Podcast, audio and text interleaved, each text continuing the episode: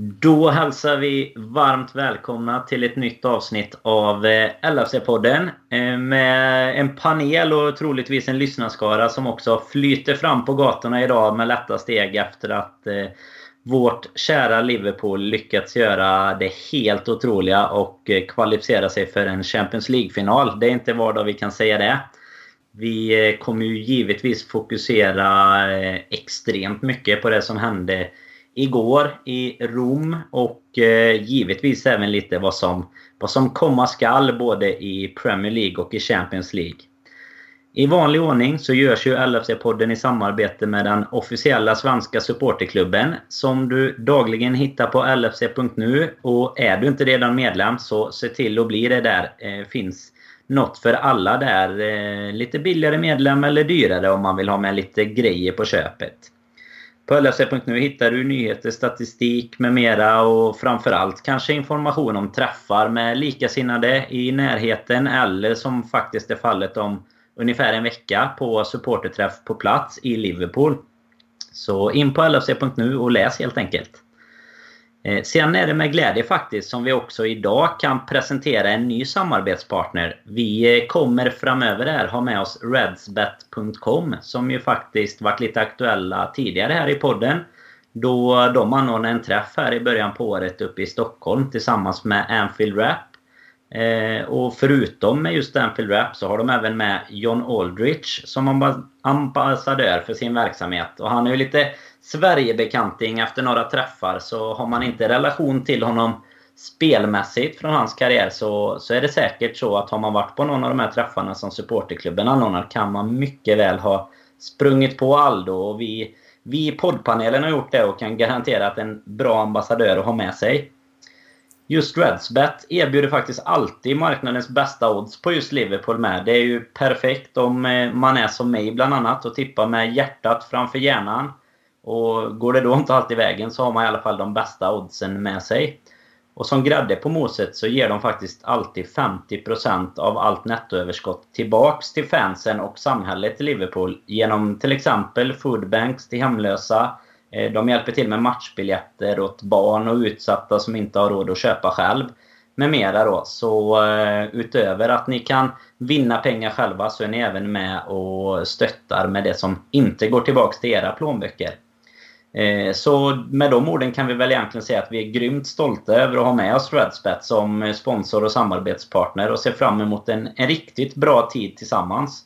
Eh, och är du då inte redan medlem på Redsbet, till exempel från Anfield Rap-träffen, så gå in och registrera dig på redsbet.com och var noga där med att välja just LFC-podden som koppling när du registrerar dig för att säkerställa att det går än mer pengar tillbaka till just Liverpool. Det om det. Eh, nu ska jag ge mig in i eh, Roma-matchen tänkte jag. Givetvis inte helt själv utan jag tänkte ta med mig lite hjälp här på andra sidan gingen.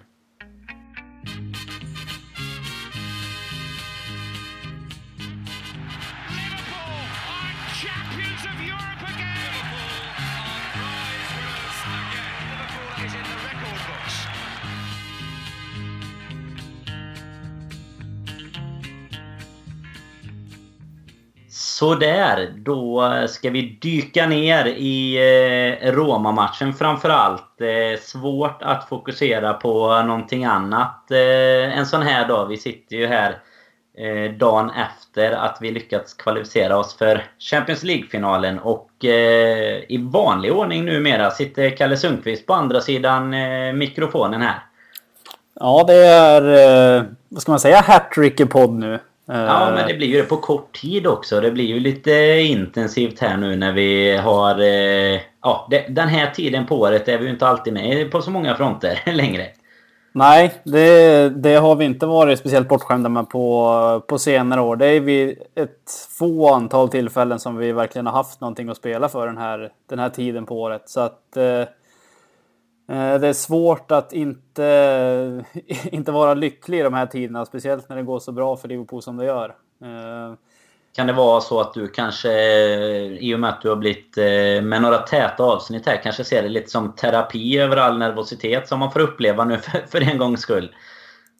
Ja, ja alltså man följer ju Liverpool på både, på både gott och ont egentligen. Det är ju ena stunden är det ju det bästa som finns, men det kan ju lika gärna vara förenat med livsfara med hjärtklappningar och så vidare. Så att eh, det har varit svårt nu de senaste dagarna att egentligen fokusera på någonting annat än, eh, än det vi fick vara med om igår. Eh, och det ledde ju till att man än mer inte kunde fokusera på det man egentligen kanske borde ha gjort idag. Så att eh, nej, det är eh, Liverpool för hela slanten just nu.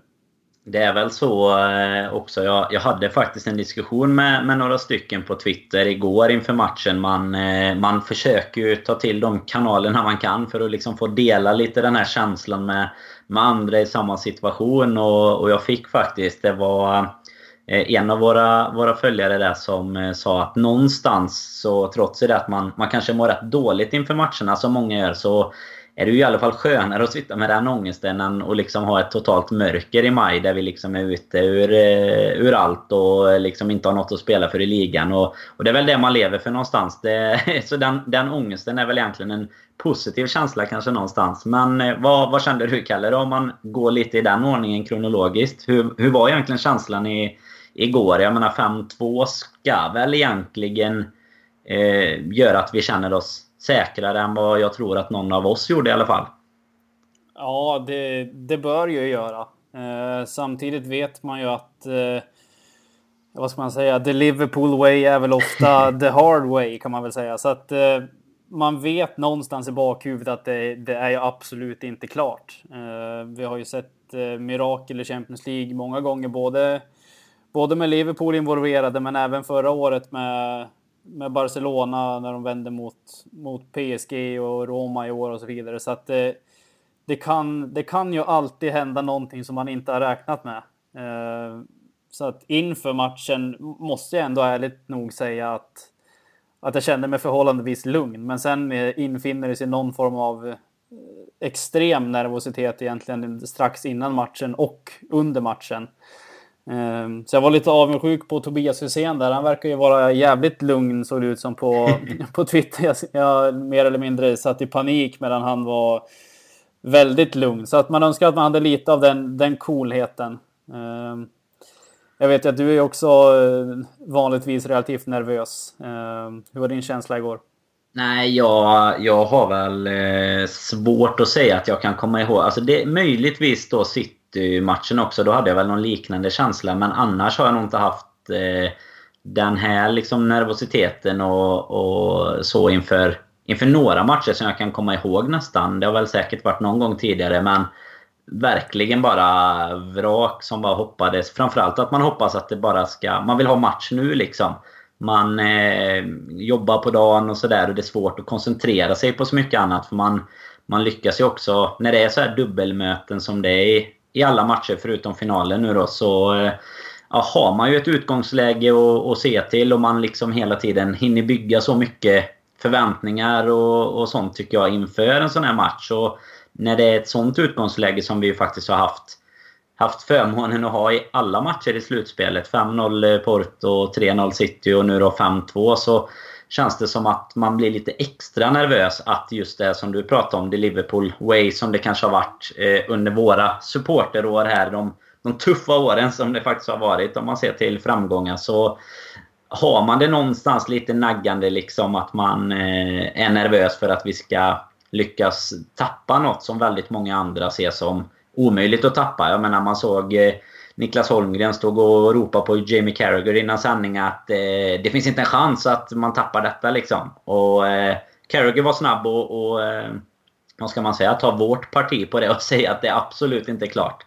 Och, och det blev ju trots tidigt ledningsmål från oss eh, hann det ju bli spännande, men vad lugnar du dig då när vi, när vi ändå fick in en boll tidigt? Ja, ja det gjorde man ju absolut för, för tillfället. som, det, som det ofta är i de här matcherna. Så att eh, alltså, känslan som många hade egentligen var väl att om vi, om vi gör ett mål så, så ska det mycket till innan, det, innan, innan Roma ska kunna vända på det. Och det var väl känslan egentligen som, som infinner sig då när vi gör 1-0. Eh, Sen, eh, sen när vi gör målet tidigt så innebär det givetvis att Roma kommer ju få möjligheter att göra både kvittera och kanske eventuellt ta ledningen som de nu gjorde. Eh, Men det, känslan är väl egentligen att problemet, eller om man kan kalla det ett problem, men det man ofta liksom kanske stirras lite blind på i Champions League är ju alltså det aktuella resultatet i, i den enskilda matchen. Man bör ju egentligen kolla på vad det står totalt. Eh, så att ja, det är ju, där kanske det ofta blir att man är lite för nervös för egentligen alltså vad man behöver vara. Eh, nu vart det ju riktigt eh, darrigt ändå i, i slutminuterna, men äh, vad fan, vi, eh, vi krossar dem med 2-4, kan man säga det? ja, man, man, får väl göra det, men någonstans det är ju, det är kanske den eh, skönaste förlusten som man någonsin har fått uppleva i alla fall. Och det såg man ju på spelare och fans och, och hela den här biten också. För det var ju dels på, på matchen, det är ju ett... Eh, det, det, är ju en väldigt inram... Om, jag menar om man brukar ta Anfield i, i höjd för att det är väldigt bra inramning och stämning på de här europeiska matcherna så, så bjöd ju Stadio Olimpico minsann upp till match i den, i den tävlingen också när eh, spelarna började äntra plan och sådär. Eh, ska man nämna kort inför matchen också så verkar det inte ha rapporterats i alla fall som, som tur är nu då om några skandaler. Det har ju varit väldigt, med all rätt givetvis, mycket fokus på det efter det som hände i, i Liverpool. Och eh, det är ju ingen, ingen supporter, eller varken sådär mig vetligen i alla fall, som arresterats. Eller liksom det har, man har läst någonting om oprovocerade attacker eller, eller sådär liknande. Och det, det tar de väl med sig in på in på arenan sen och vi har både Liverpool-fansen givetvis och även Roma-fansen som, som gör det till en, en grymt häftig inramning egentligen. Eh, det, det måste man väl... Vad, vad tycker du? Vad, vann vi även den matchen? Ja, alltså det, det, blir ju oerhört svårt att säga. Vi, I och med att vi kvalificerar oss och, och så blir det ju alltså, enorma glädjescener efter matchen. Men samtidigt måste man ändå ge en stor, en stor eloge till, till Roma-fansen att ändå efter slutsignalen stanna kvar. Det var ju liksom fullt på arenan ganska, mm. ganska lång tid efter slutsignalen egentligen och ge sitt fulla stöd till Roma för att det här är ju oavsett alltså, att de är jättebesvikna över att inte gå till en final. Men det här är ju en, en stor alltså, europeisk framgång för Roma också på, på, väldigt, på väldigt lång tid. Sen det bytte namn till Champions League, mig vetligen så har de aldrig gått så här långt. Eh, Nej, 84 där tror jag det var som de, eh, ja, då, som de var i, i det sist egentligen. Ja, då gick det också lite halvtungt. Precis. Nej då, men alltså det, det, måste man ju, det måste man ju ge Roma-fansen och sam, alltså, det finns ju ett visst antal liksom dickheads eller vad fan man ska säga som, som smutsar ner deras supporterkultur egentligen. För att majoriteten måste man ju säga att det är ju alltså fotbollsälskare likväl som, som du och jag och alla som lyssnar på den här podden. Så att det, det är klart att det, det finns folk som, eh, som kanske inte gör saker som de allra flesta inte skulle göra. Eh, Nej, men alltså, ja, du, du har ju varit på en, eh, en Champions League-match borta. Ni var ju i, i Porto när vi mötte dem. Mm. Och där ligger ju ett bra reportage också från den resan på på Podme, ett av våra specialavsnitt. Det ligger också ett från eh, Roma-matchen nu senast på, på Anfield. Men hur är känslan egentligen när man är på en sån där eh, Europamatch på, på bortaplan då främst? Hur, med fans emellan och så vidare. Jag måste ju säga om man tar, tar Porto-matchen som jag var på då så är det ju eh, alltså riktigt bra stämning fansen emellan om man väl om man väl möter några Porto-supportrar och sådär. Och, och mig vetligen likaså för Robin och Jocke som var på Roma-matchen. Nu, nu var det ju givetvis incidenten som hände. Eh, Sean Cox och, och den biten kring Roma-matchen givetvis. Men vad de såg, om man säger så, som inte var nära det. Så, eh, så är det ju precis som du är inne på. Det är ju en liten, liten liksom, falang av hela supporter skaran egentligen om man, om man tar alla lag sammanlagt. Det finns ju liksom någonstans överallt. Vi kan ju, det är ju bara att titta på här i, i Sverige. Det är ju samma sak i Allsvenskan och, och så vidare. Att det finns ett, ett fåtal idioter helt enkelt som förstör ryktet för så många andra. Och eh, som sagt, aldrig... Och, och det gäller samma i England och Premier League. Att jag aldrig faktiskt upplevt någonting eh, utöver givetvis lite... Eh, kan, alltså hån och, och, lite sådär på, på läktarplats givetvis. Eller att man står och gafflar på varandra. Men det är en väldigt stor skillnad mot att, mot att liksom ta till våld eller oprovocerat våld utanför en arena. Men eh, som sagt, jag, jag upplever ju att en, den typen av, av matcher borta så är nästan ännu mer eh, välkomnande eh, kring många Alltså att fansen som är på plats, Porto i det fallet som jag var på, är liksom välkomnande till att det kommer fans utifrån och man vill liksom skapa en stor fest tillsammans. Eh, och det, det, blir ju liksom en häftig... Liverpool är ju extremt duktiga på att ta över de städerna de kommer till om man säger så. Och jag tror att det blir en väldigt häftig upplevelse för de som, som bor där också. Eh, det, det, är ju något speciellt. Eh, det är ju samma på hemmaplan så sätt att de här Europamatcherna, det är ju något speciellt kring dem. Och med all rätta så, så tänder det till lite extra när det gäller lite extra. Eh, så eh, jag, jag, skulle tro att det är liksom som resten av samhället är uppbyggt egentligen. Ibland finns det folk som förstör för, för merparten av alla som sköter sig normalt. Så, så det är väl eh, jäkligt synd att det, det drabbade Liverpool och Roma i, i den den gången, om man säger så, i hemmamatchen då. Och det, det gör ju också att det blir ett mycket större fokus inför den här matchen. Det var ju bara att titta, som vi som, som sitter här hemma och tittar på Viaplay, bara, de hade ju också ett stort reportage om hur, hur säkerheten var, var uppbyggd och att det var extra poliser. Och han givetvis får med att det var en,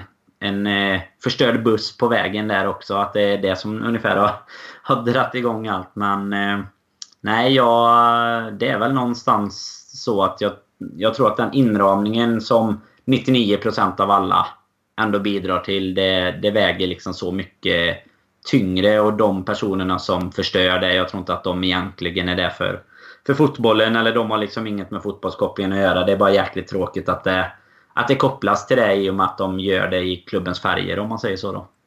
Absolut. Alltså min känsla som, som en spontan känsla är väl kanske att Liverpools fans ändå på något sätt liknar eh, alltså svenska landslagets fans när det kommer till eh, mästerskap och, och borta, borta resor och sådär. Så det kanske är många som kan, liksom kan relatera till om man har varit på något, eh, något mästerskap eller en landskamp på, på bortaplan eller så. Ehm, jag... Extremt bra jämförelse skulle jag säga, för det är verkligen den, den känslan det är. Man, Sverige är ju extremt duktiga på också att ta över ta över de ställena de kommer till. Ja, ja men precis. Och det, jag, Robin och Jocke var ju nere i, ehm, i Paris när det var EM i Frankrike senast. Och det är ju det här som, som du beskriver också, att det är ju en, alltså, en vänskaplig jargong. För liksom, svenska och irländska fans skapar liksom en, en fest tillsammans. Och det är väl det på något sätt ändå som som fotboll, eh, fotboll går ut på. Det är klart att man stod och sjöng hånfulla sånger åt varandra, liksom, men det är ju med glimten i ögat och, att, och mm. alla tycker att det är roligt. Så att jag tror att det finns en ganska stor liknelse där som många kan, kan relatera till. Så att har man varit på något sånt och tycker om det så ska man nog passa på att åka på en, eh, en bortamatch i Europa med Liverpool också tror jag.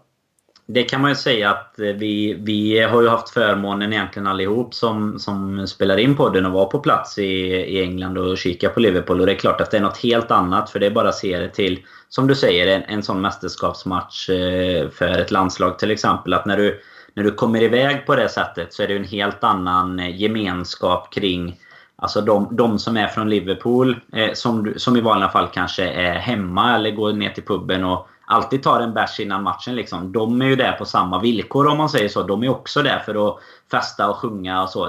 Det, de personerna kanske inte riktigt tänder till på samma sätt som vi gör inför en match mot Southampton hemma i, i november. För att vi är där kanske en gång den säsongen medan de är där vecka ut, vecka in. Och det är klart att här är verkligen alla där för att, att lyfta fram laget, som i detta fallet, till en helt jäkla otrolig Champions League-final med med den truppen vi har egentligen. Men eh, precis som du var inne på, all kudos till Roma ändå såklart som, som minst har gjort en lika stor framgång fram till semifinalen i alla fall tror jag som Liverpool om man ser det sportsligt sett. Eh, med, med lagets förutsättningar. Jag menar de har ju en ännu värre situation i, i själva klubben. Eller hade i alla fall ekonomiskt och sådär. Så att eh, de, eh, de är nog stolta men givetvis lite, lite tråkigt för dem och kul för oss att deras äventyr tog slut här. Absolut. Eh, men på tal, om att, på tal om att tända till då. Eh, när Klopp kom in till Liverpool så var det liksom att vi skulle change from doubters to believers. Så nu är det här ändå tredje, tredje finalen Klopp tar oss till, varav två europeiska finaler.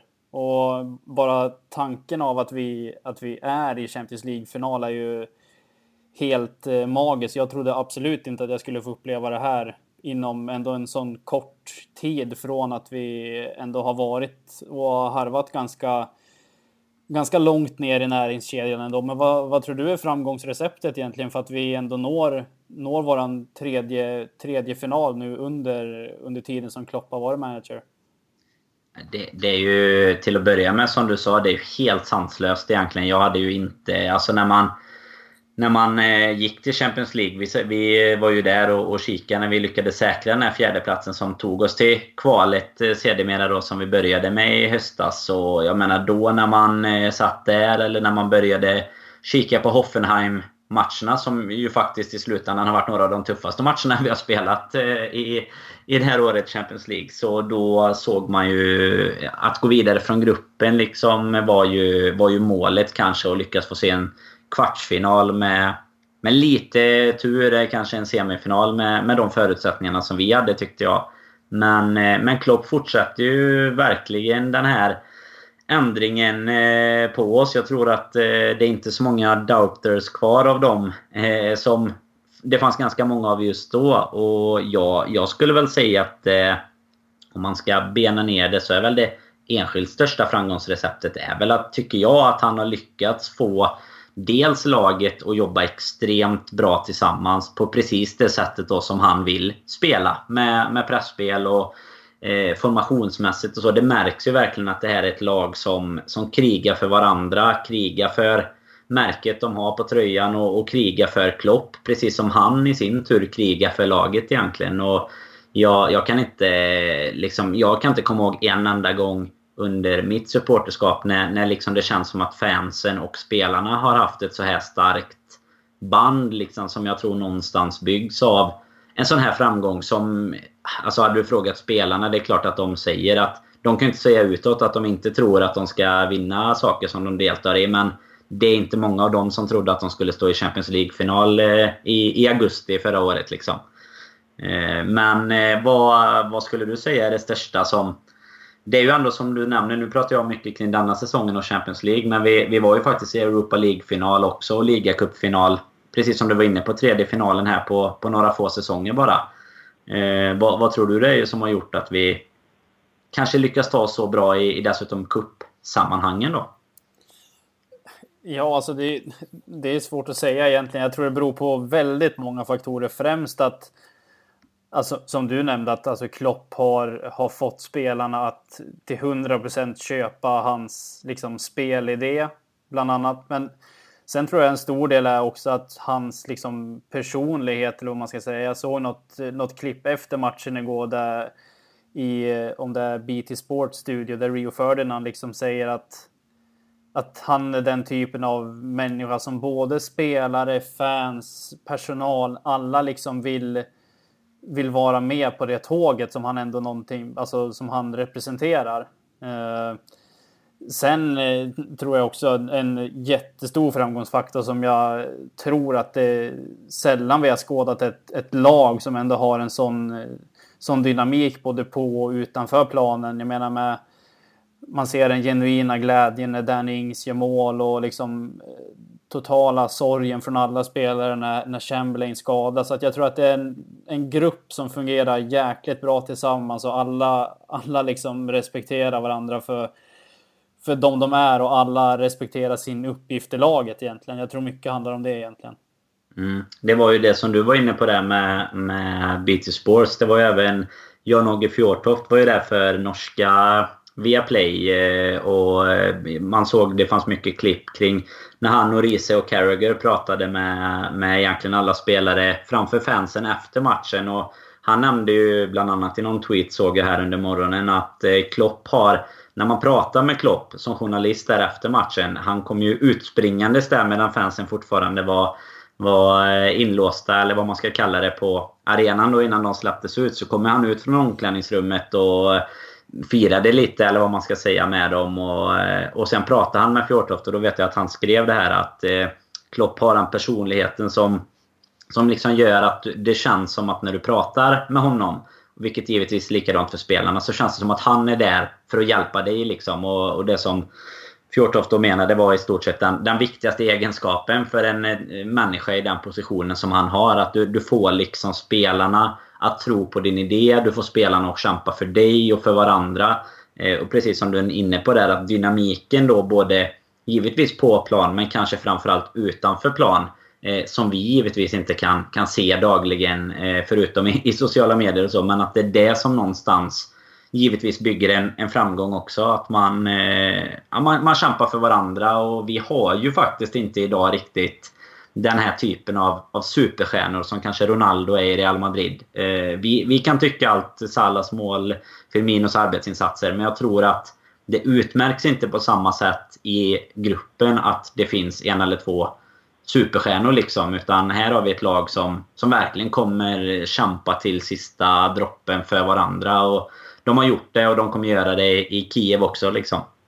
Absolut, och det, det, är, det är ingen tvekan om att Salah är vår absolut största stjärna. Och liksom man ser på liksom, hur han har tagit alla oss med storm på bara den här säsongen. Men om man ser alltså vilken vilket inflytande han ändå har i Egypten med hur de sluter upp liksom bakom honom och han på många, på många sätt, alltså det låter ju sjukt att säga, men han har ju ändå räddat många liv i Egypten sen de, han var ju med i någon sån här mm. kampanj mot, mot drogmissbruk eller någonting och då hade ju liksom, eh, ja, jag vet inte vad man kallar men någon form av hjälptelefon, de inkomna samtalen därifrån hade ju ökat med över 400 procent. Så att men trots att han är den stora stjärnan som han ändå är så beskriver ju alla honom som alltså, oerhört ödmjuk. Och så att jag tror inte att det finns någon form av liksom... Det är klart att han kan ha ett ego ett, på, i, i, en positiv bemärkelse på planen, men utanför tror jag inte att han är någon som liksom tar, eh, tar plats eller så. Eh. Nej, Alltså tyvärr, tyvärr har ju inte vi förmånen att få hänga med honom. Det hade ju varit magiskt. Men, men tittar man på intervjuer, eh, allt som han gör, det är samma där. När han blev intervjuad igår.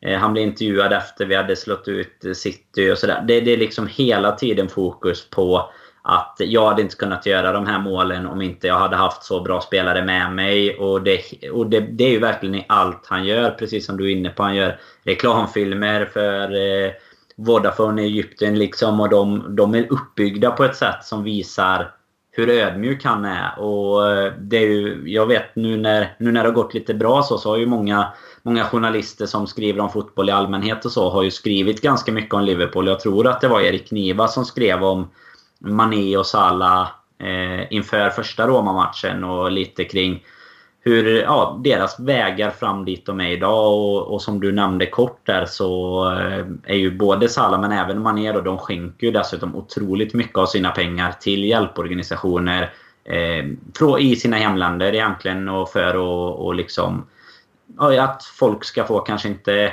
lyckas, kommer få samma förutsättningar med bara det som, eh, som man kanske har i många andra delar av världen som Sverige bland annat. Men de, det är liksom en sån genuin eh, vad ska man kalla alltså en, en ödmjukhet och en, eh, en sån känsla av att du inte bara arbetar för dig själv och du märker ju att han inte... Det är ingen person som, eh, som bara tänker fokus på sig själv eller sitt eget varumärke eller sin plats i laget utan det känns som att de verkligen har har lyckats hitta något både på och utanför plan där framförallt den här topptrion givetvis då har ju kunnat bidra till de här framgångarna som vi har haft både i Champions League och till viss del då i, i Premier League. Eh, även om det finns en del kvar att spela för även där då. Men eh, ska man vända åt lite andra eh, lite andra fokus i laget om man säger så. Vi kan väl nämna kort att vi kommer givetvis gå igenom eh, lite ur, ur, matchen också. Men, men jag, vi får försöka ta fasta på den här känslan man har när det... Vi sitter ju här mindre än ett dygn efter, eh, efter segern där. Men om jag hade sagt till dig för ett år sedan, eller inför säsongen då, att Henderson skulle kunna lyfta bucklan, att Lovren skulle spela CL-semifinal, Karius. Jag menar, detta är ju spelare som har varit otroligt kritiserade, alltså med, med all rätta ibland givetvis av oss eh, efter eh, dåliga insatser. Eh, vad, vad, liksom, vad fasen ska man säga om, om vårt lag egentligen? Hur lyckas vi ta oss så här långt med de spelarna som vi så många gånger har liksom... Ja, det finns ju minst ett tusental Liverpool-supportrar som liksom inte har något hår kvar på grund av de här grabbarna. ja, det, det gör det absolut. sen, alltså, men sen, alltså de du, de du nämner egentligen med Henderson och Lovren och och Karius, han kanske inte har fått så jättemycket kritik egentligen, men han har ju inte haft, alltså fått uh, förtroendet om man säger så. Uh, Sen lyckades han ändå på något sätt kanske första gången han fick chansen lyckades han ju faktiskt nästan ändå spela sig ur laget igen till förmån för ja. Mignolet som liksom kom ja. in igen. Så någonstans är det ju... Nej, det är som du säger, han har nog inte fått lika mycket personlig kritik men just för sin prestation om man säger så då. Absolut, och sen den, alltså framförallt den kritiken som Lovren har fått utstå. Det, det tror jag faktiskt att inte någon människa önskar sin värsta fiende för att den kritiken han har fått den är, den är fan inte nådig och det jag har kritiserat Lovren många gånger men absolut inte på, på det sättet som många andra har gjort där man mer eller mindre har gått till till angrepp mot honom och, och hans familj. Så att är det någon man kanske unnar det här mest mm. så, så kanske det är Lovren ändå. Och jag, bara ser man en sån spelare som Henderson att det, alltså det ska jag vara ärlig och säga att det är en spelare som alltså från första från första stund som har varit en av mina absoluta favoritspelare och ändå försökt stått bakom honom så, så gott det går. Eh, den kritiken han har fått egentligen har väl varit frågan huruvida han är en lagkapten eller inte. Jag, mm. alltså, jag har inte tvivlat på hans fotbolls, alltså, kunskaper egentligen för att han står för någonting Alltså han står för det som likväl som Milner gör att alltså det jag ändå på något sätt älskar med fotboll. Visst, det är jäkligt soft med alltså liksom teknisk briljans som vi har fått sett med Coutinho och och så vidare tidigare. Nu är ju inte han kvar i Liverpool, men alltså den arbetsinsatsen som man ändå lägger ner för laget och kanske för att andra spelare ska få skina, det är någonting som jag värdesätter jävligt högt. Så att Nej, Henderson det är fan min gubbe och ska han lyfta, eh, lyfta han Champions League-bucklan i maj då, då är jag jävligt stolt likväl som alla andra tror jag. Ja, minns jag inte helt fel så nämnde du ju faktiskt det. Det finns ju ett eh, avsnitt där vi går lite djupare in på oss som eh, jobbar med podden här. Och du, du nämnde ju han som din gubbe även då. Eh, långt innan de här framgångarna som han ju ändå har lyckats vända det till. Så det, det är genuint i alla fall. Det är jäkligt gott det. Absolut. Men, ja, men sen har vi ju sen har vi liksom Trent, 19 år. Han gör kanske sin första liksom, riktiga säsong om man ska säga. Och framförallt, ja, framförallt i Champions League. Han har aldrig spelat i Champions League förut och nu ändå är han en ändå på något sätt en bärande spelare i det här lagbygget och tar sin liksom, eh, barndomsklubb till en, till en Champions League-final. Och Robertson som åker ur med, med Hall och köps för liksom, pengar som du kan köpa en Scouse Pie för på matchen. Liksom. Det, Alltså vad är det som har tagit det här laget ända hit egentligen? För att det här är, det här är någonting som är helt eh, osannolikt i, i mina ögon egentligen. Det är för att det är kanske ens högsta dröm på något sätt att, att få se sitt lag kvalificera sig till en Champions League-final. Gällande Robertson måste man ju också nämna dels det som du säger, priset vi köpte honom för. 8 miljoner pund. Där vi hade Kevin Stewart som gick andra hållet för samma peng. Liksom. Så ja, pengar emellan. Eh, men, eller det var inte ett, ett, eh, en affär som var sammankopplad. Men man kan ju säga att det blev ett rakt byte eh, mellan Roberto Carlos och Kevin Stewart. Liksom. Eh, och vi har ju en... Eh, det kom ju upp lite nu efter eh, matchen här i, igår framförallt. Eller jag hade inte sett den innan i alla fall. Men kom en tweet som Andy Robertson hade för sex år sedan var det. Eller nästan sex år sedan. Det var i augusti. Där han skrev eh, i stil då med att eh, det, det suger att inte ha ett jobb i den här åldern. Och så hashtag need job. Och nu ska han fan spela Champions League-final sex år senare liksom. Det är helt... Det är helt surrealistiskt när man tänker på det. det. Det kanske finns en chans för oss också. Ja, ja man, man vet det. Men alltså det får ju ändå den här krystade Ricky Lambert-storyn om att han jobbade i någon form av, vad fan var det, rödhetsfabrik ja. eller någonting sånt där. Det, det framstår ju som liksom... peanuts jämfört med det här egentligen. Så att det, ja men det blir så jäkla... Någonstans blir det ju så liksom. Man, man unnar ju. Det var, jag vet att jag nämnde det i något avsnitt eh, tidigare här i vår. Långt innan vi var i någon Champions League-final. Att det finns ju... Det finns ju så många mina gubbar-typer i det här laget liksom, som man verkligen unnar den framgången och som det känns som att de snarare lika väl hade kunnat vara en av oss. Liksom. Eller de, någonstans så är de inte lika distanserade från fans och verklighet som man kanske ibland kan känna att, att en spelare som Coutinho, eller alltså de här magiska världsklassspelarna blir liksom... Det känns inte nåbart på något sätt. Man kan inte relatera till någon som har haft en supertalang eh, ända från, från start. Eh, utan att säga att inte de här har varit lika talangfulla eh, som har tagit sig så långt. Men där det liksom någonstans ligger lite mer hårt jobb känns det som bakom hela historien. Liksom. Och du har ju Milne som du nämnde innan som, som folk liksom skrattar ju när de ser han i våran elva. Om, om du liksom inte har tittat på Liverpool bara för man tänker att det är en föredetting som liksom inte, ja, som, som inte hör hemma på den här scenen längre. Och nu, nu har han assistrekord i Champions League och han springer ju på eh, samma sätt som Adam Lallana gjorde när Klopp kom in. Liksom två kilometer längre än varenda gubbe varje match. Liksom. Det är ju det är så otroliga eh, karaktärer någonstans eh, för att använda lite Brandon Rogers språk i podden här. Eh, characters allihopa. Young lads. ja, det är det fan. Men det, alltså, det här är ju ändå på något sätt...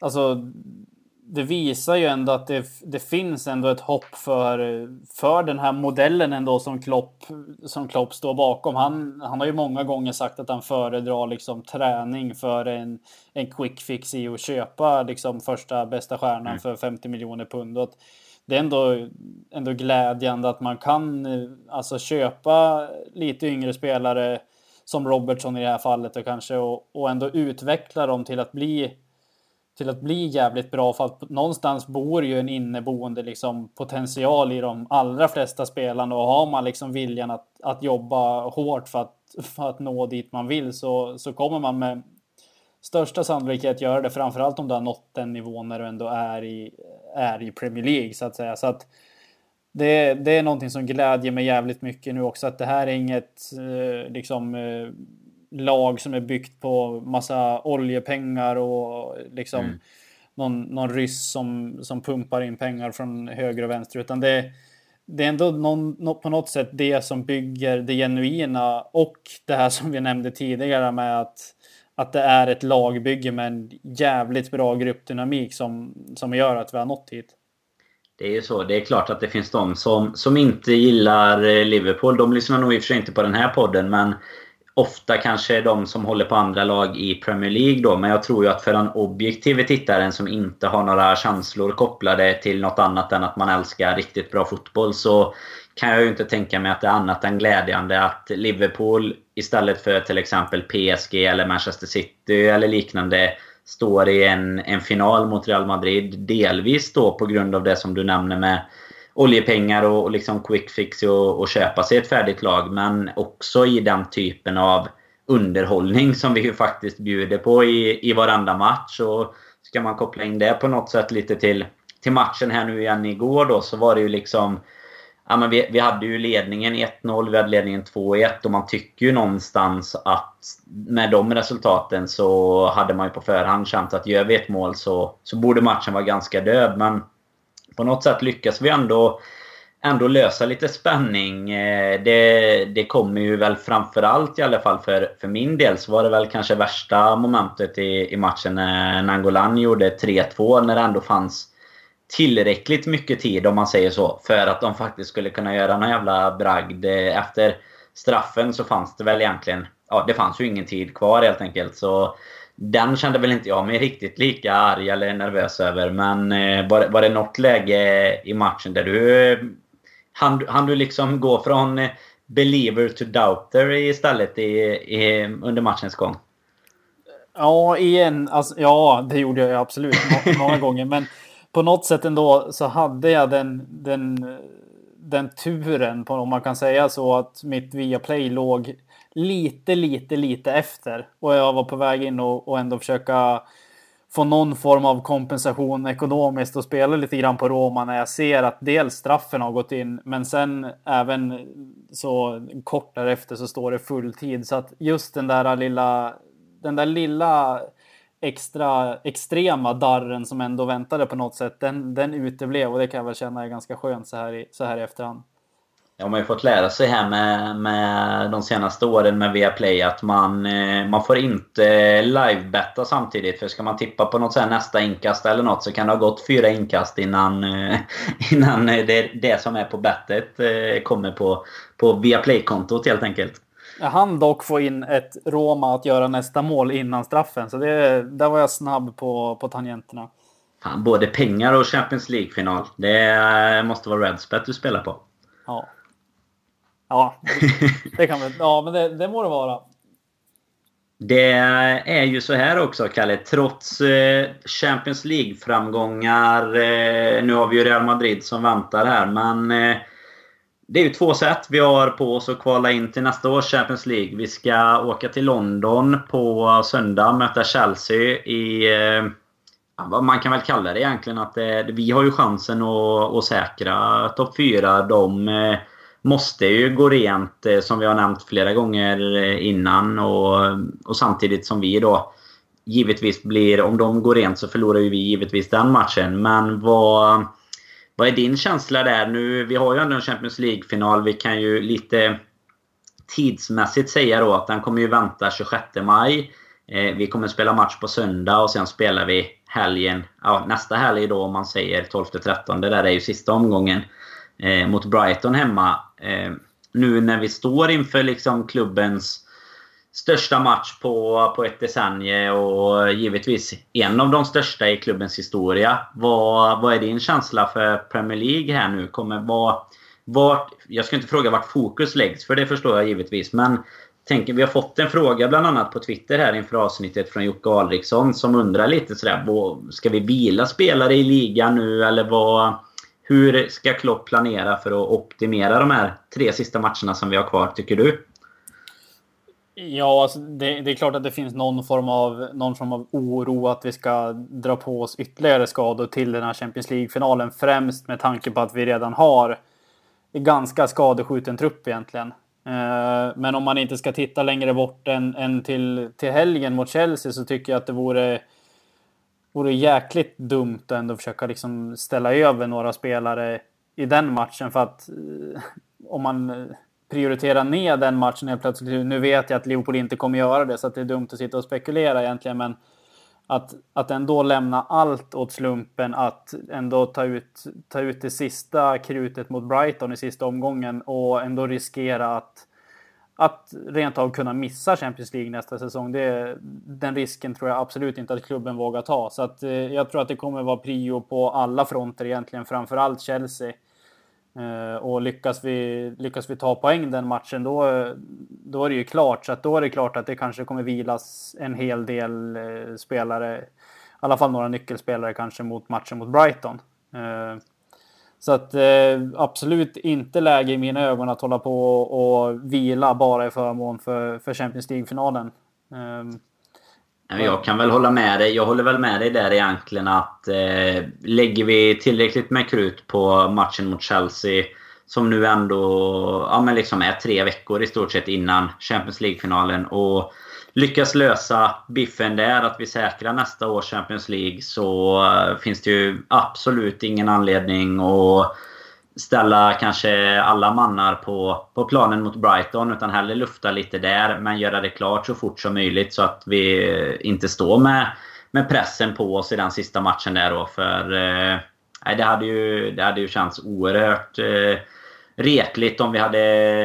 Nej, det ska, det ska man inte ens eh, ta orden i munnen nästan. Men liksom att missa topp 4 och dessutom eh, inte lyckas eh, ta oss eh, via Champions League-finalen in till nästa års turnering. Men eh, jag har ju skanderat här tidigare att jag är rätt säker på att vi inte missar via Premier League. Så att eh, det, det kan jag vidhålla i alla fall. Men jag tror att det är rätt som du är inne på att man lägger fokus på att lösa det här nu mot Chelsea. Så är det, så är det klart så kan man fokusera allt kommande tre veckorna på bara optimera eh, inför matchen mot Real egentligen.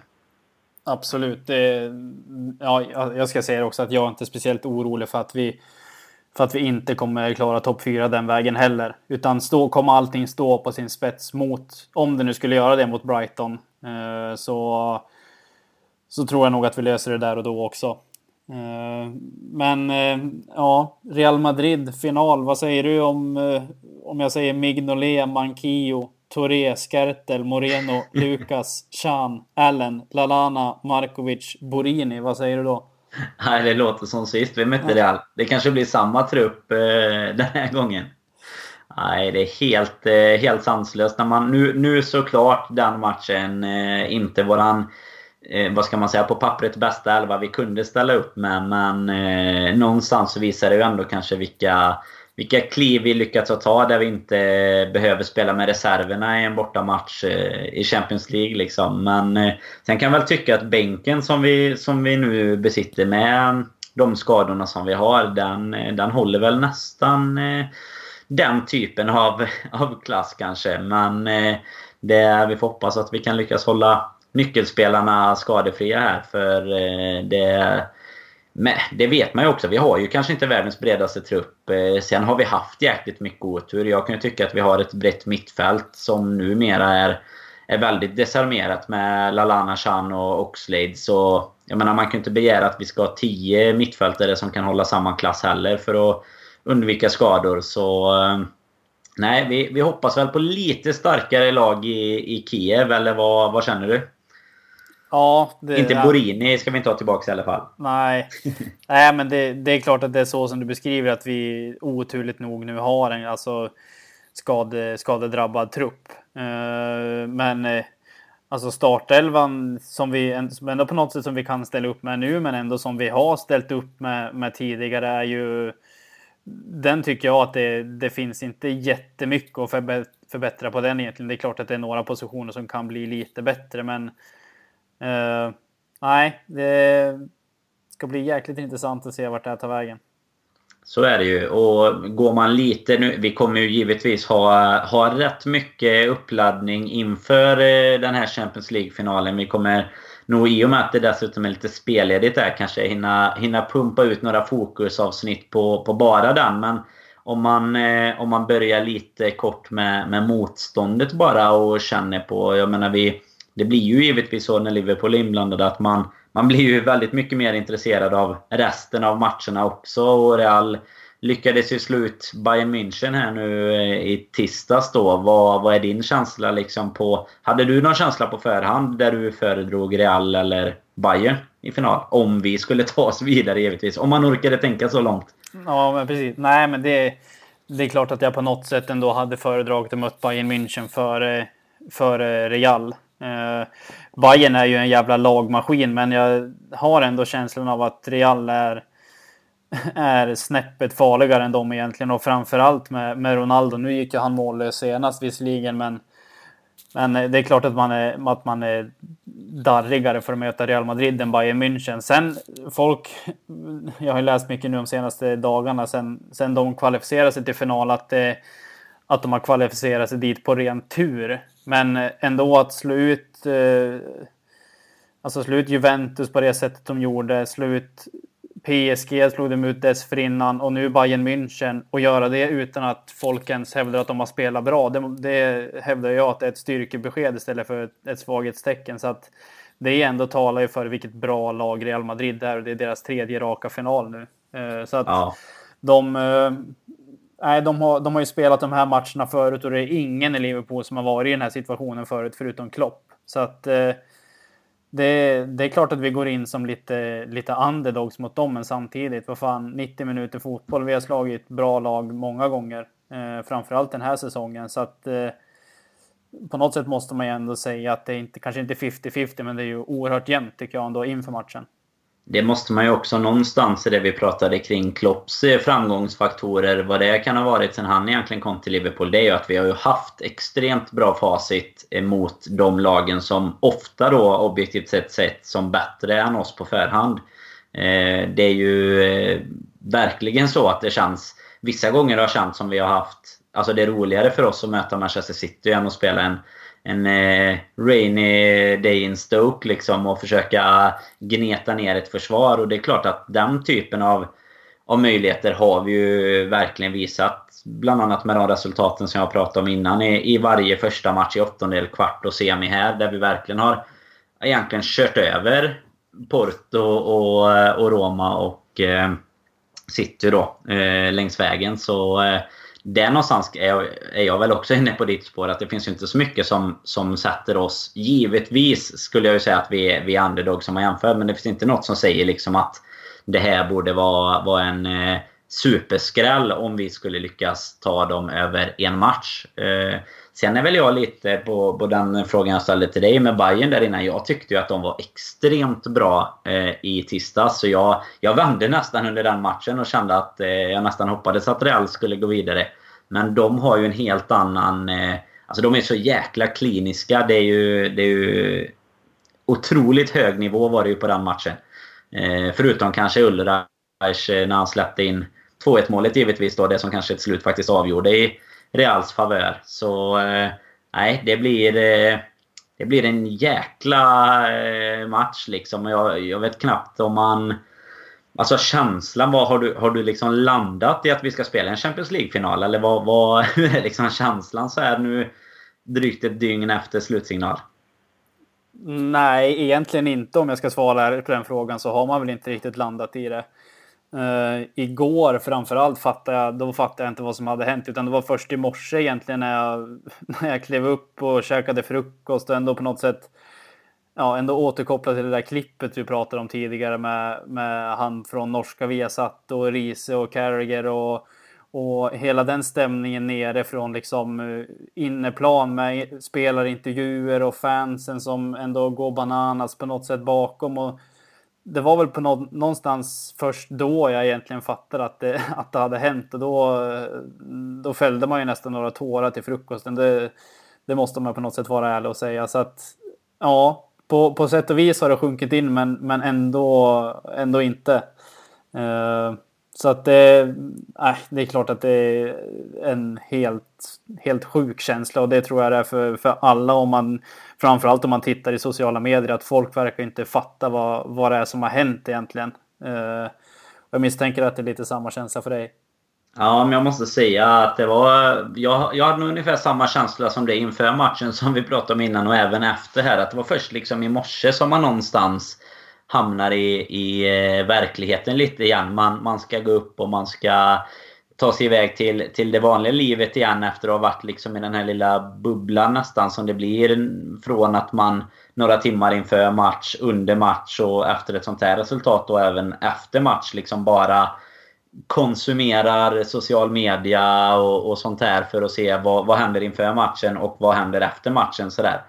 Så jag, jag kände väl ungefär likadant måste jag säga och att det först i morse verkligen landade i att vi, vi fasen ska spela en Champions League-final och jag tycker det är en sån...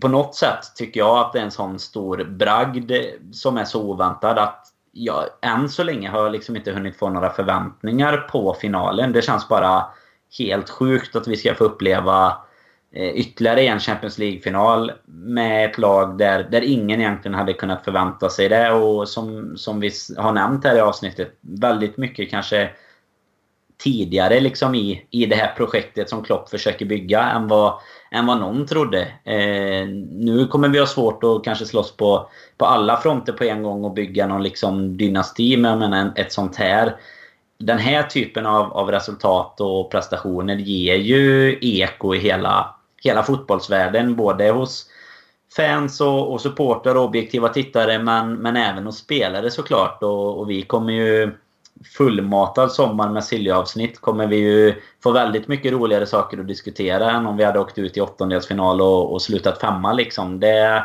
det här ger ju ringar på vattnet som, som kommer erbjuda Liverpool som, som förening och klubb och ta kanske ytterligare något kliv framåt om de, om de utnyttjar det på rätt sätt.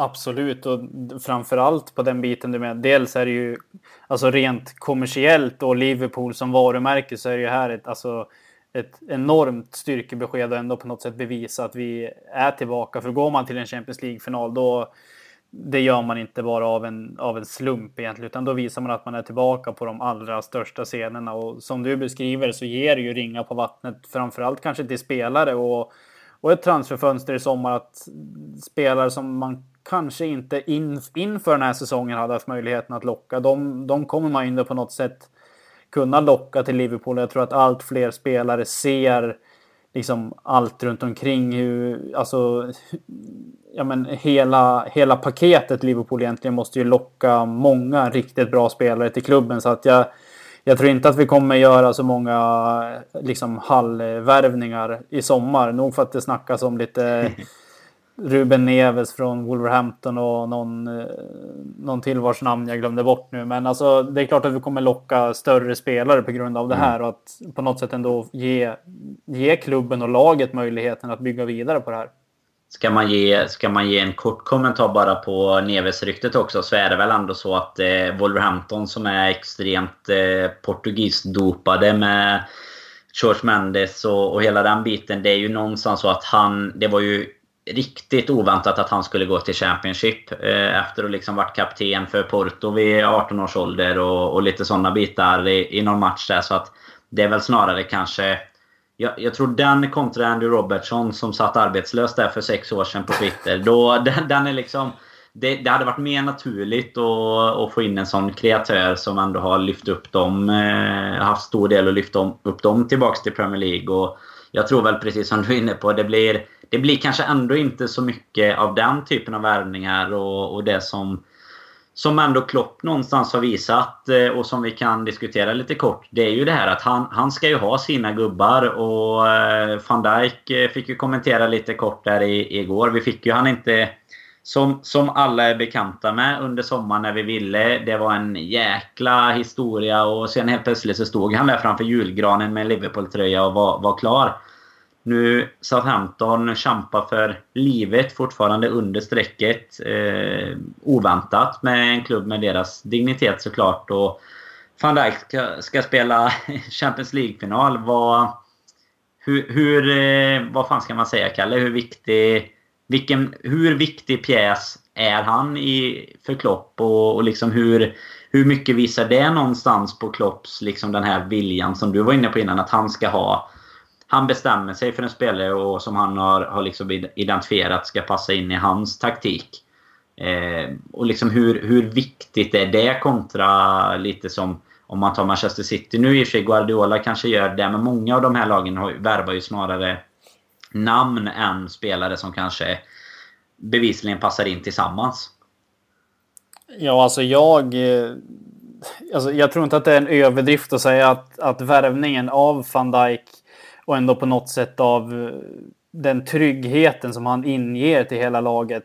Det, alltså jag tror att det kan vara minst en tredjedel alltså av, eh, av faktorerna som gör att vi, att vi går så här långt. För att, att ha en sån ledargestalt som ändå inger lugnet. Han styr upp en hel defensiv bara med sin närvaro egentligen. Och och alltså, ge de andra spelarna utrymme till att göra det de är bra på också. Så att det ska man absolut in, inte underskatta. Så att det Värvningen av han, det tror jag är en av de absolut största faktorerna till att vi har nått så här långt i Champions League just nu. Och det, det tror jag faktiskt inte är en underdrift.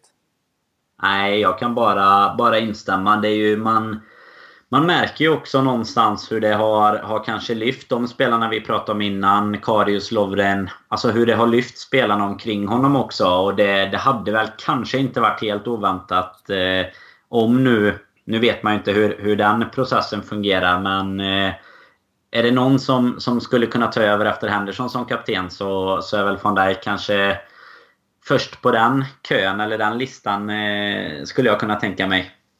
Ja, jag tror han, han behöver nog faktiskt inte ens ta kölapp i den kön tror jag, utan det är nog bara... Han går dit och berättar. Ja, ja men det tror jag. Om det nu... nu jag, jag har ju liksom ingen form av tvivel på, på Jordan Henderson som lagkapten i sig. Och det kanske inte alltid är den som bär armbandet som, som måste styra upp allting heller. Utan jag tror att det skulle vara oerhört konstigt efter de här framgångarna att liksom bara, nej men nu, nu har vi en ny lagkapten, van Dijk är, är lagkapten från och med nästa säsong. Det, det tror jag absolut inte händer, utan det, det är nog någonting som kommer arbetas in sakta men säkert framöver i så fall, om det ens kommer ske. Men även, även om man kanske inte är den officiella ledaren med armbandet på, på armen så kan man ju vara en, alltså en stor ledargestalt både på och utanför planen ändå. Så att jag tror inte att det skulle göra någon större skillnad rent utåt om, alltså om han skulle vara lagkaptenen. Och sen ska man ju säga det också att Jordan Henderson gör ett, ett helt fantastiskt jobb kanske man ska säga utanför planen med,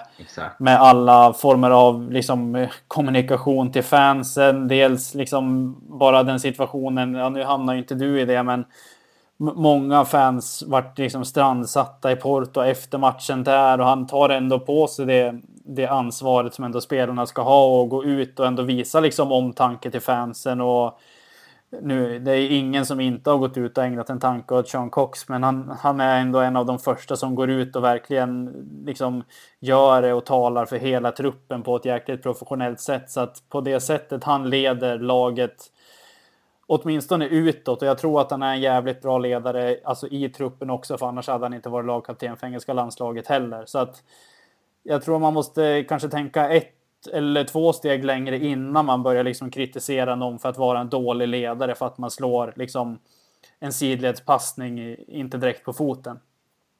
Jag kan väl eh, egentligen bara instämma med de bitarna där. Man läste ju även om efter matchen när spelarna kom ut eh, och firade lite med fansen och hade med sig en en eh, sån här hyllningsbanderoll om man säger. Eller en, en liksom eh, Get Well Soon till, eller med Sean Cox då. Och det var ju liksom, sägs att Henderson var ju i stort sett det första han gjorde. Att den skulle med, den skulle upp. Det ska liksom... Vi ska visa stöd, vi ska visa att vi är med. Alltså det är den här kopplingen som jag pratade lite om innan med fansen och med...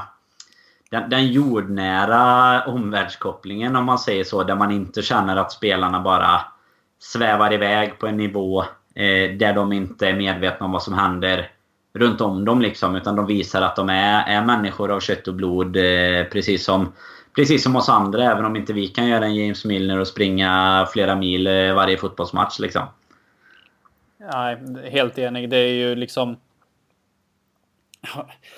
Alltså det, det, är svårt att, alltså på något sätt så ska man googla upp liksom begreppet lagkapten i någon form av ordbok så finns det ju liksom hundra olika varianter på hur man, ska, hur man ska leda. Och jag tycker ändå att Henderson på något sätt leder laget på sitt sätt med sina ledaregenskaper på ett helt briljant sätt egentligen. Och hade inte det är klart att det är jäkligt lätt att sitta och säga nu efter en sån här stor framgång att man inte hade önskat någon annan lagkapten. Men alltså rent om man får hela paketet Jordan Henderson med det du säger, den där jordnära och och allt sånt där så finns det inte mycket bättre tror jag i, i truppen just nu. För att det, det är det här som, som du också sa, den här familjära känslan. Det är på något sätt det som är Liverpool. Så att man mm. plockar liksom inte en kille från gatan eller någon liksom första dagen han anländer från Southampton och slänger på honom ett armband. Liksom, utan man ska, det ska tydligt, alltså man ska tydligt veta klubbens historia. Man ska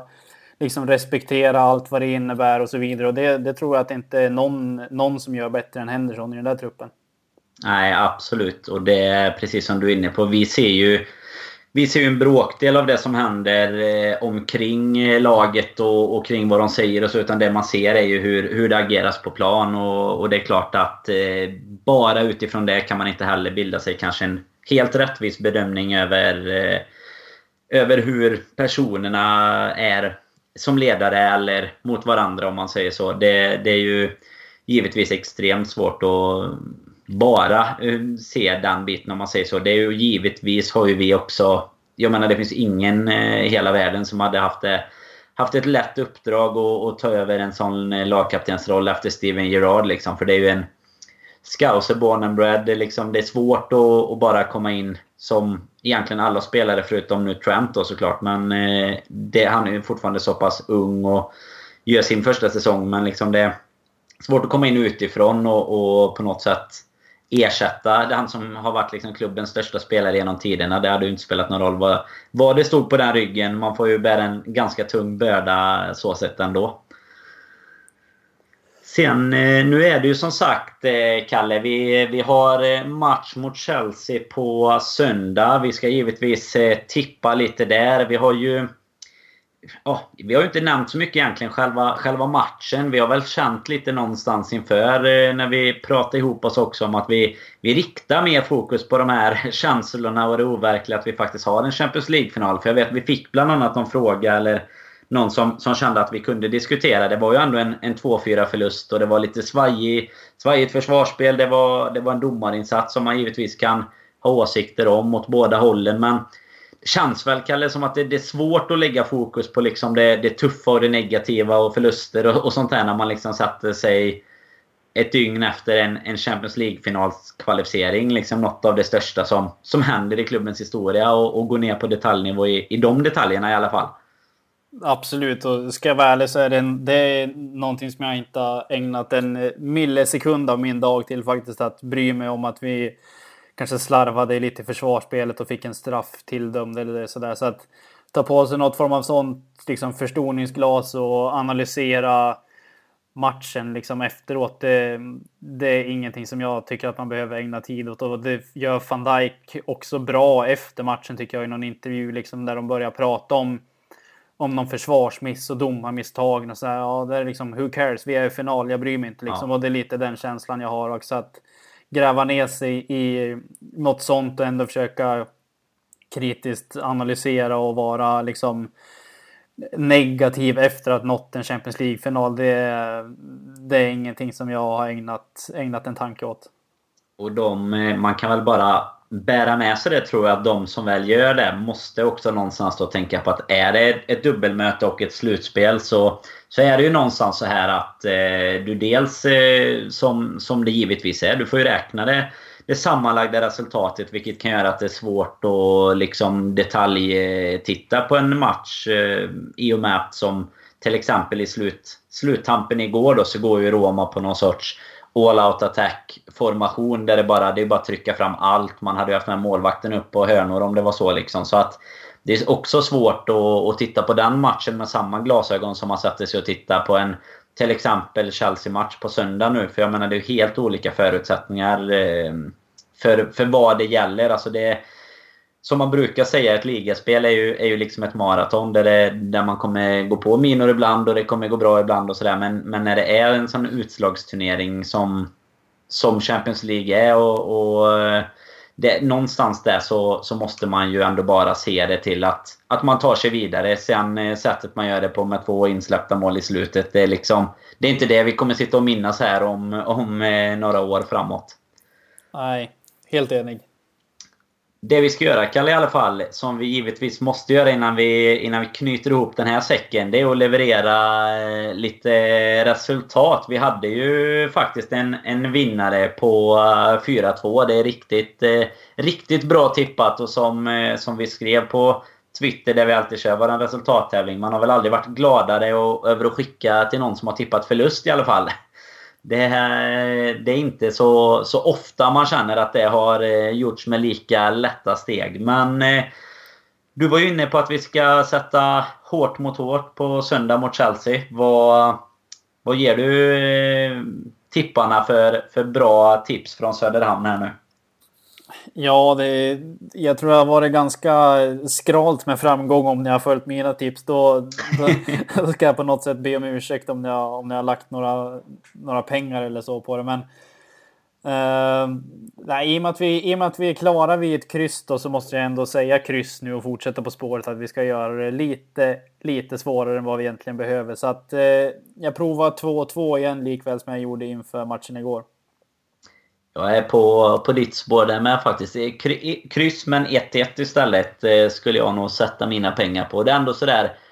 Det är tufft men det är fortfarande tillräckligt. Lite som vi, vi har eh, gjort och sett så många gånger förr egentligen med, med vårt Liverpool. Men eh, som sagt, man har suttit här och slitit sig i håret och man har eh, genomlidit eh, extremt många tuffa, tuffa timmar som eh, Liverpool-supporter känns det som de senaste åren här. Men eh, någonstans så när det kommer ner till kritan och det händer såna här grejer som igår så är, är det ju det, är ju det man det är det man sliter sig i håret för med, efter eh, en 1-0 förlust borta mot Swansea. Liksom. Det är ju anledningen att man sitter kvar där vecka ut vecka in. Det är ju, det är ju de här tillfällena och det är ju bara att hälsa egentligen till alla som lyssnar på podden att eh, fan bara flyg på små sådana här rosa mål nu och bara njut ända fram till till Kiev. I alla fall kanske med lite förbehåll då för de här sista Premier League-matcherna där vi, där vi har lite jobb kvar att göra såklart. Men eh, det känns väl som att vi har, vi har fått ut lite vad vi hoppas att de flesta Liverpoolare känner idag, Kalle. Eller vad säger du? Ja, ja absolut. Det är ju alla, alla jävla skitmåndagar man har haft och alla gånger man har suttit och liksom eh, kanske ja, sagt saker man inte borde göra framför tvn så väger det här upp så oerhört mycket tyngre och på något sätt är det det här man man har längtat efter så länge och man måste lida lite grann innan man når framgång. Så är det. Så att eh, sug på, sug på de här orden att Liverpool är i Champions League-final. Det kan ni fan gå och suga på ett tag och Ja, jag, jag, vet inte hur många gånger jag måste säga det till mig själv innan jag fattar det. Nej, men det är väl som du säger där att det blir ju, det blir ju extra skön känsla givetvis när man, när man känner att man har genomlidit de här eh, kvalen och eh, liksom, eh, man har suttit där och Nej, bara varit allmänt jäkla deppig. Man låter ju kanske ibland resultaten som, som klubben eh, levererar påverka ens liv lite för mycket kan man väl tycka. Men då, då gör det också det omvända när det går som det gör just nu egentligen. Och, eh, vi får väl säga lite, det kanske glädjeruset som har snackat för LFC-podden här nu men vi drog faktiskt ut en tweet här och på Facebook också på våra konton angående att vi, eh, vi har börjat spåna lite på att vi ska dra ihop och arrangera egentligen en, en poddresa kan man väl kalla det. Vi, eh, likt supporterklubben LFC.nu har gjort eh, tidigare så tänkte vi egentligen till att börja med stämma av lite intresse hos er som lyssnar. Om det, om det kan finnas eh, ja, egentligen ett intresse att åka med oss på någon match. Troligen under nästa säsong i så fall. Eh, kommer ju givetvis presenteras mer detaljer och så vidare. Men vi har som sagt startat en lite lite intresseanmälan om man säger så på Twitter och Facebook. Så eh, har ni inte redan sett det eller eh, liksom det har ju varit väldigt bra genomslag får man säga Kalle på de här timmarna bara. Eh, nästan lite förvånad själv men eh, har man inte sett den och, och, man känner att det skulle vara riktigt skoj att göra så in och kika där och, och liksom anmäl ett litet intresse och så får ni åka med Kalle Sundqvist till Liverpool. Det är inte fy skam Kalle va? Nej, vi har ju varit, eh, vi har ju varit där ett antal gånger nu, vi eh, alla tillsammans egentligen. Och är det, är det någonting man ändå kan garantera så är det att det kommer bli jävligt roligt och ofta är det ju de bästa helgerna på året som, som man ändå spenderar där tillsammans. Så att det är ju också, jag vet att eh, det, alltså det är ju när vi har varit över eh, tidigare då så är det ju ofta som man... Vi har ju ofta slutit upp med lyssnare. Inte kanske i den här stora skalan som vi, vi hoppas kunna göra nu men där vi egentligen... Eh, ja men man får... Det är jäkligt roligt. Man får lite input både vi och, och dem liksom och man... Det är ju ett det här som, som vi återkopplat till lite innan när, när Liverpool liksom någonstans åker och, och, tar över städer. Så ibland känns det som att det är alltid en hel del svenskar och, och liknande på Liverpool-matcherna på plats också. Så det är jäkligt kul att, att kunna mötas upp. Jag vet att Robin och, och Jocke hade ett ganska stort gäng med sig när de var över nu. Eh, som de träffar på plats och man kan eh, ladda upp inför matchen ihop och så vidare. Och vi ska ju faktiskt över nu igen, eh, Kalle. Det är ju bara drygt en vecka kvar här innan eh, Brighton-matchen. Så det kan man ju faktiskt också skicka med. att är det, är det folk som ska över då, så se till att eh, och höra av er via någon av våra sociala kanaler. Och givetvis även kika på, på den här träffen som jag nämnde i början som LFC.nu kommer köra. Det är också alltid väldigt uppskattat på, på plats. Men det är väl egentligen det hela, Kalle. Kryss har vi nästan utlovat känns det som här nu inför söndag. En säkrad Champions League-plats. Och då hade man ju faktiskt kunnat må, må rätt bra. Se fram emot Champions League nästa säsong och framförallt se fram emot en eh, Champions League-final i Kiev 26 maj. Det, det är inte tufft att vara Liverpool-supporter just nu. Nej, det, det är inte. Det, det må vara tufft ibland, men det är övervägande positivt. Och nu, nu är det väl kanske Ja, så här, det var länge sedan det var så här positivt eh, kan jag känna. Ja, det var det verkligen. Eh, vi kommer ju givetvis komma tillbaka här som jag nämnde tidigare. Det är en hel del eh, fotboll trots allt kvar som ska spelas. Det är eh, klubbens största match på väldigt, väldigt länge. som vi givetvis kommer fokusera rejält på också. Så eh, vi tackar jättemycket till alla som har lyssnat här idag. Hoppas att vi hörs igen eh, nästa gång som givetvis blir efter helgens matchande här. Och fram till dess får ni ha det riktigt, riktigt gott. Up the Reds!